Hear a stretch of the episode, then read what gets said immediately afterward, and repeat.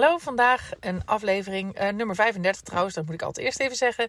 Nummer 35 van manager met een miljoenenbudget naar een leidinggevende beginneling. De titel zegt het allemaal en als je nieuwsgierig bent, luister. Veel luisterplezier!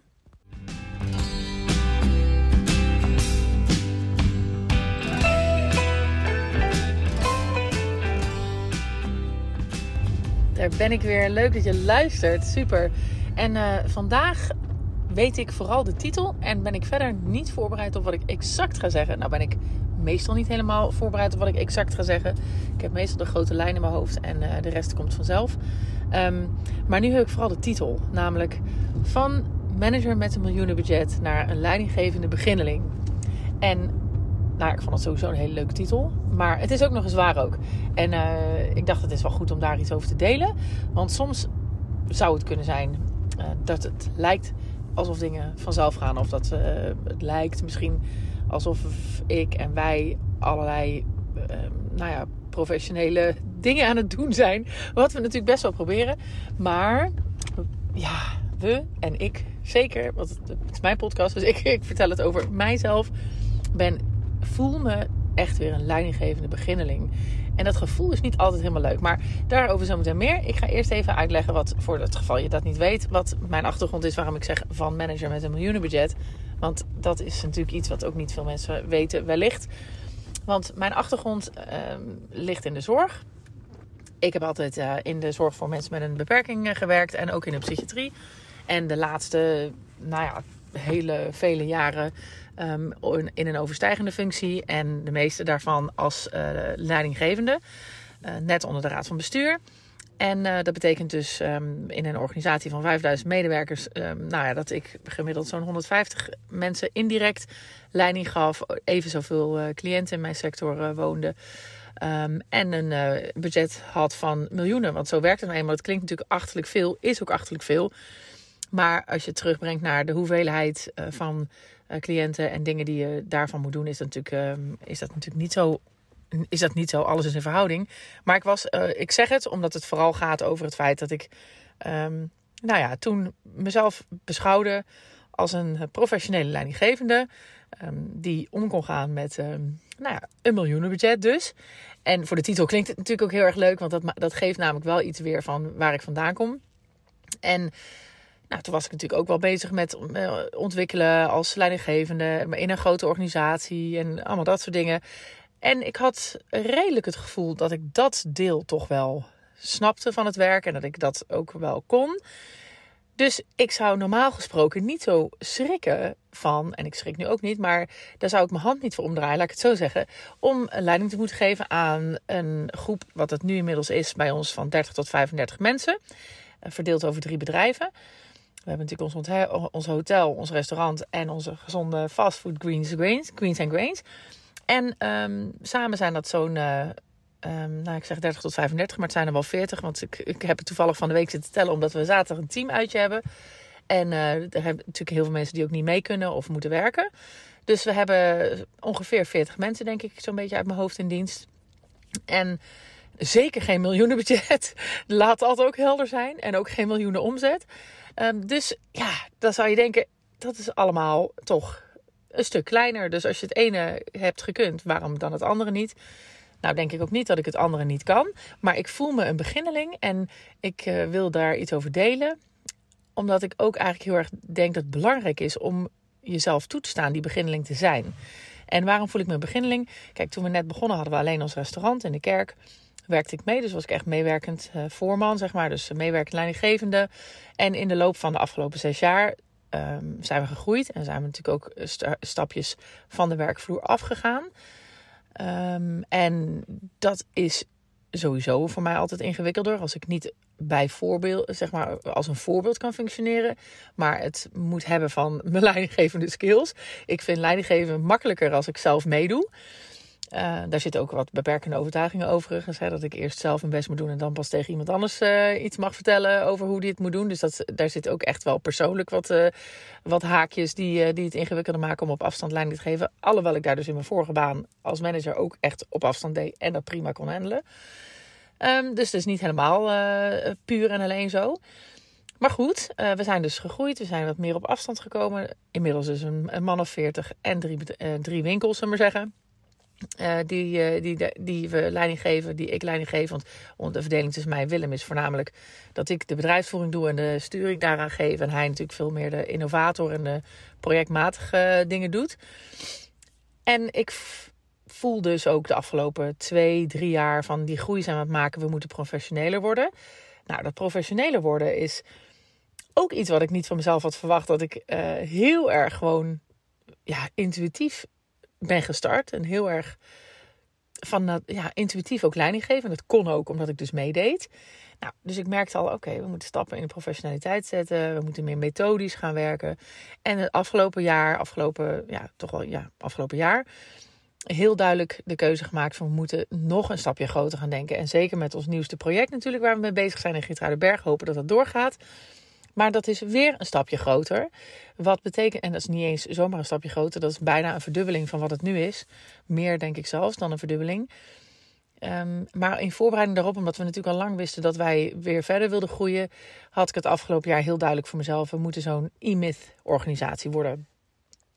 Uh, niet exact zoals in het boek helemaal beschreven staat, maar toch de grootste highlights daaruit. Hè, die kopieerbaarheid, um, de soort um, aanstuurders die wij moesten worden. Hè? Die, dat verschil tussen die entrepreneur, die technician en die manager.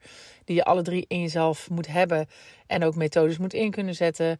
Maar ook die werkprocessen die um, mensen kunnen gebruiken. Zodat je niet afhankelijk wordt van de persoonlijke inkleuring. Maar dat mensen altijd kunnen terugvallen op een systeem.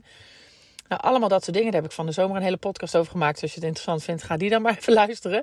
Maar daar zijn we dus mee bezig. Hè? Dat is nogal een karwei, maar daar zijn we wel mee bezig. Dus ik ben op persoonlijk vlak bezig om een betere uh, bestuurder, zullen we maar zeggen, te worden. En uh, we zijn in de organisatie bezig om uh, de dingen zo te doen dat ze meer gesystematiseerd en geautomatiseerd worden. Nou, dat is allemaal gaande. En ja, ineens voel ik me ook zo nieuwie daarin. Ik voel me zo'n beginneling. En ja, kwetsbaar dan ook. Hè? Dus je voelt, ik voel dan ook echt me kwetsbaar. Dat ik denk, oké, kan ik dit wel? En hoe moet ik dit nou aanpakken? En um, ook dat ik bij een van de drie um, um, bedrijven echt het gevoel heb van... Ja, ze vinden mij niet per se leuk. Hè? Het team vindt mij niet per se leuk. Daar, dat is het laatste, uh, het laatste team. En daar, daar heb ik natuurlijk even meegewerkt. Maar voornamelijk ben ik daar op afstand. En niet leuk gevonden worden is ook zo'n kinderlijke beperking die ergens in mijn hoofd nog zit. Uh, maar dat, ja, dat gebeurt natuurlijk als je ook meer die zakelijke aansturing pakt. En niet zelf uh, in de modder staat met iedereen samen. Dus er gebeuren zoveel dingen in mijn hoofd dat ik echt denk: jee, nee joh, hier waren we tien jaar geleden toch al lang mee klaar. En dat maakte dat ik ook echt dacht: ja, ik ga gewoon van een soort professionele manager naar een nou ja, leidinggevende beginneling. En dat zou je natuurlijk zo kunnen voelen. En het is ook een beetje zo, want ik, ik voel me daarin ook wel kwetsbaar en ook wel nieuwsgierig en leerbaar. Dus ik zuig ook weer allerlei lessen op. Ik laat me ook uh, heel erg sturen en feedback geven. Het is ook super goed dat er nu die training aankomt die ik uh, gewonnen heb bij de Baak, een senior leiderschapstraining. Ik denk dan gelijk nu in al mijn onzekerheid, nou hoezo senior? Ik ben echt gewoon uh, de Benjamin van de eeuw. Maar goed, dat is mijn zwart-wit denken hier en daar. Maar dat komt natuurlijk ook op een perfect moment. Maar we hebben ook hulp uh, van een familielid in de organisatie die op ons niveau meedenkt en reflecteert en, en probeert ook structuur aan te brengen.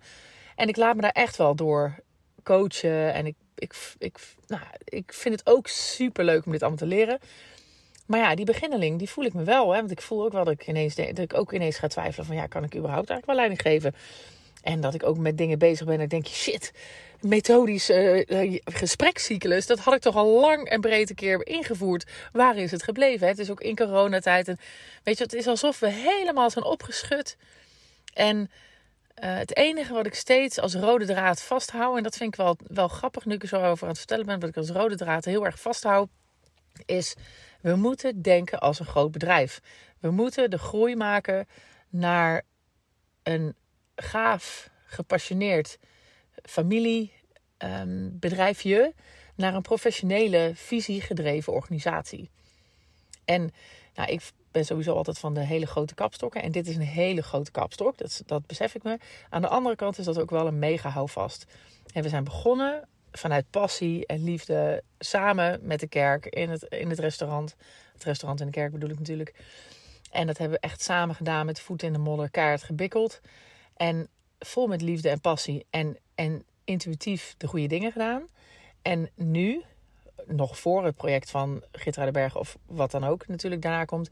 Maar nog voordat we dat doen, moeten we echt die stap maken naar die grotere visie gedreven. Dus niet meer gepassioneerd en intuïtief alleen maar, maar visie gedreven. Dus de vertaling daarin ook naar volwassenheid. Visie gedreven organisatie. En dat is ook wel leuk. Um, want nu ik dat zeg, dat staat ook in het boek van de E-Myth heel duidelijk. Die kindertijd, die adolescentie en die volwassenheid van een bedrijf. En in de adolescentiefase um, stappen heel veel bedrijven terug naar de kinderfase. Omdat ze dan denken: God, het personeel en het gedoe, laat maar zitten. Ik ga weer terug en ik ga weer lekker allemaal zelf doen. Uh, daar zijn we overigens echt al wel ver voorbij. En ook die adolescentiefase van het personeel, want dat hebben we echt gewoon nodig. En dat is ook hartstikke leuk. Vind ik in ieder geval hartstikke leuk. Ook heel uitdagend, maar ook hartstikke leuk. Maar we zitten echt zo tussen die adolescentie en die volwassenheidsfase. En die brengt dus hele nieuwe uitdagingen met zich mee. En dan ineens voel ik me weer, nou ja, de kleine Benjamin die uh, helemaal niet snapt wat leidinggeven is en dan nooit van gehoord heeft. En geen idee heeft hoe hij zichzelf als instrument moet inzetten. Het enige wat ik heel erg weet, ik wil naar die visie gedreven grote, grotere organisatie groeien. En daarin moeten we hele andere besluiten nemen nu. En dat vraagt iets heel anders van ons als leiders. En ja, wat ik, wat ik dus ja, wat ik heel graag aan je mee wil geven, is laat je daar dus ook niet door afschrikken. Laat je ook op wat voor manier dit ook voor jou geldt. Je bent heel vaak natuurlijk een expert op een bepaald gebied. En dan groei je door die expertstatus, groei je naar iets anders. En dan ben je ineens weer die beginneling. En dat is oké. Dan ben je gewoon weer de leerling. Je hoeft niet eens een beginneling te zijn dan. Je bent gewoon de leerling en dat mag. En um, het is zo waardevol om dan ook jezelf weer toe te staan om die beginneling te zijn. Om die, om die starter te zijn. Om weer helemaal in die fase te zitten van oh, en doe ik het wel goed? En die feedback weer open, weer open te staan voor feedback. En, en daar groei je zo ontzettend van als mens. En ja, de, de oordeel erover moet je vooral je niet toe laten verleiden. Dat doe ik natuurlijk wel soms. En uh, dat probeer ik er ook weer zo snel mogelijk uit te krijgen. Maar het oordeel over, oh je kan het niet en je moet alles weer leren, dat heb ik, ben ik geneigd om mee om de oren te slaan. En op het moment dat ik het weer besef, denk ik, nee, nee, helemaal niet. Ik hoef me helemaal niet over te oordelen. Ik ben inderdaad een beginneling op het vlak van grotere organisaties. We waren een heel klein bedrijfje. We groeien nu naar middenklein bedrijf. Um, en en daarin zijn we inderdaad beginnelingen. En daar zijn we omdat we gegroeid zijn op een ander vlak. En dat is oké. En dat is leuk. En dat mag. En ik uh, ga daardoor naar, de volgende, naar het volgende level van zelfontwikkeling. En dat is ook super gaaf. En Willem en ik samen gaan daarin als, uh, naar de volgende stap van uh, zelfontwikkeling. Ook als, als zakelijk stel. Want we kunnen niet meer gewoon lekker ieder zijn eigen vlakje en eigen ding doen. We moeten het echt ook synchroniseren. En dat is ook gaaf. Uh, maar het is wel het volgende level. En uh, daar, daar horen groeipijntjes bij. Oei, ik groei is weer zo'n mooie. En uh, nou, dan gaan we hopelijk naar een, uh, in, een bedrijf die ja, echt gaaf is om in te werken. Dat, dat is het nu wel, denk ik ook. Maar ehm, nu is het soms nog te afhankelijk van ook ons wellicht. Maar een bedrijf die, bedrijf die dus echt gaaf is om in te werken. En heel gaaf is om in te verblijven. En heel professioneel uh, werkt aan de ontwikkeling van het bedrijf en haar medewerkers. Nou, als ik het zo vertel, dan denk ik gelijk, oh wauw, ja, ik heb daar echt wel visie over. En um, ja, op visiegebied ben ik denk ik geen beginneling. En op alle andere vlakken even wel. En dat is oké. En ik heb er zin in. En ik uh, ga je op de hoogte houden in deze podcast uh, hoe, dat, hoe dat verloopt. En dat zal steeds een mix blijven tussen zelfontwikkeling en zakelijke groei. En uh, nou, ik hoop dat je dat leuk vindt. En ik uh, hoor het graag als dat zo is. Uh, nou, wie weet. Wie weet heb je zin om, om deze aflevering te delen. Op Instagram bijvoorbeeld. Of ergens anders. Hartstikke leuk. Tag me dan wel even, anders zie ik het niet. En als je persoonlijk een berichtje wil sturen, is dat natuurlijk ook altijd goed. Vind ik altijd super leuk als mensen erop reageren. En dat doen mensen, dus dat vind ik tof. Nou, dankjewel voor het luisteren en een hele mooie dag. En ik wens je toe dat je ergens op een bepaald vlak in je leven weer een beginneling mag worden, zodat je weer kan leren. Hey, fijne dag! Lieve mensen, dat was hem weer. Ik hoop dat je hebt genoten van deze podcast en op naar de volgende uiteraard. Het zou mij ontzettend helpen als je de podcast zou willen delen op social media. Zoek me op op Instagram en Facebook onder Juke Stellinga. Tot de volgende keer!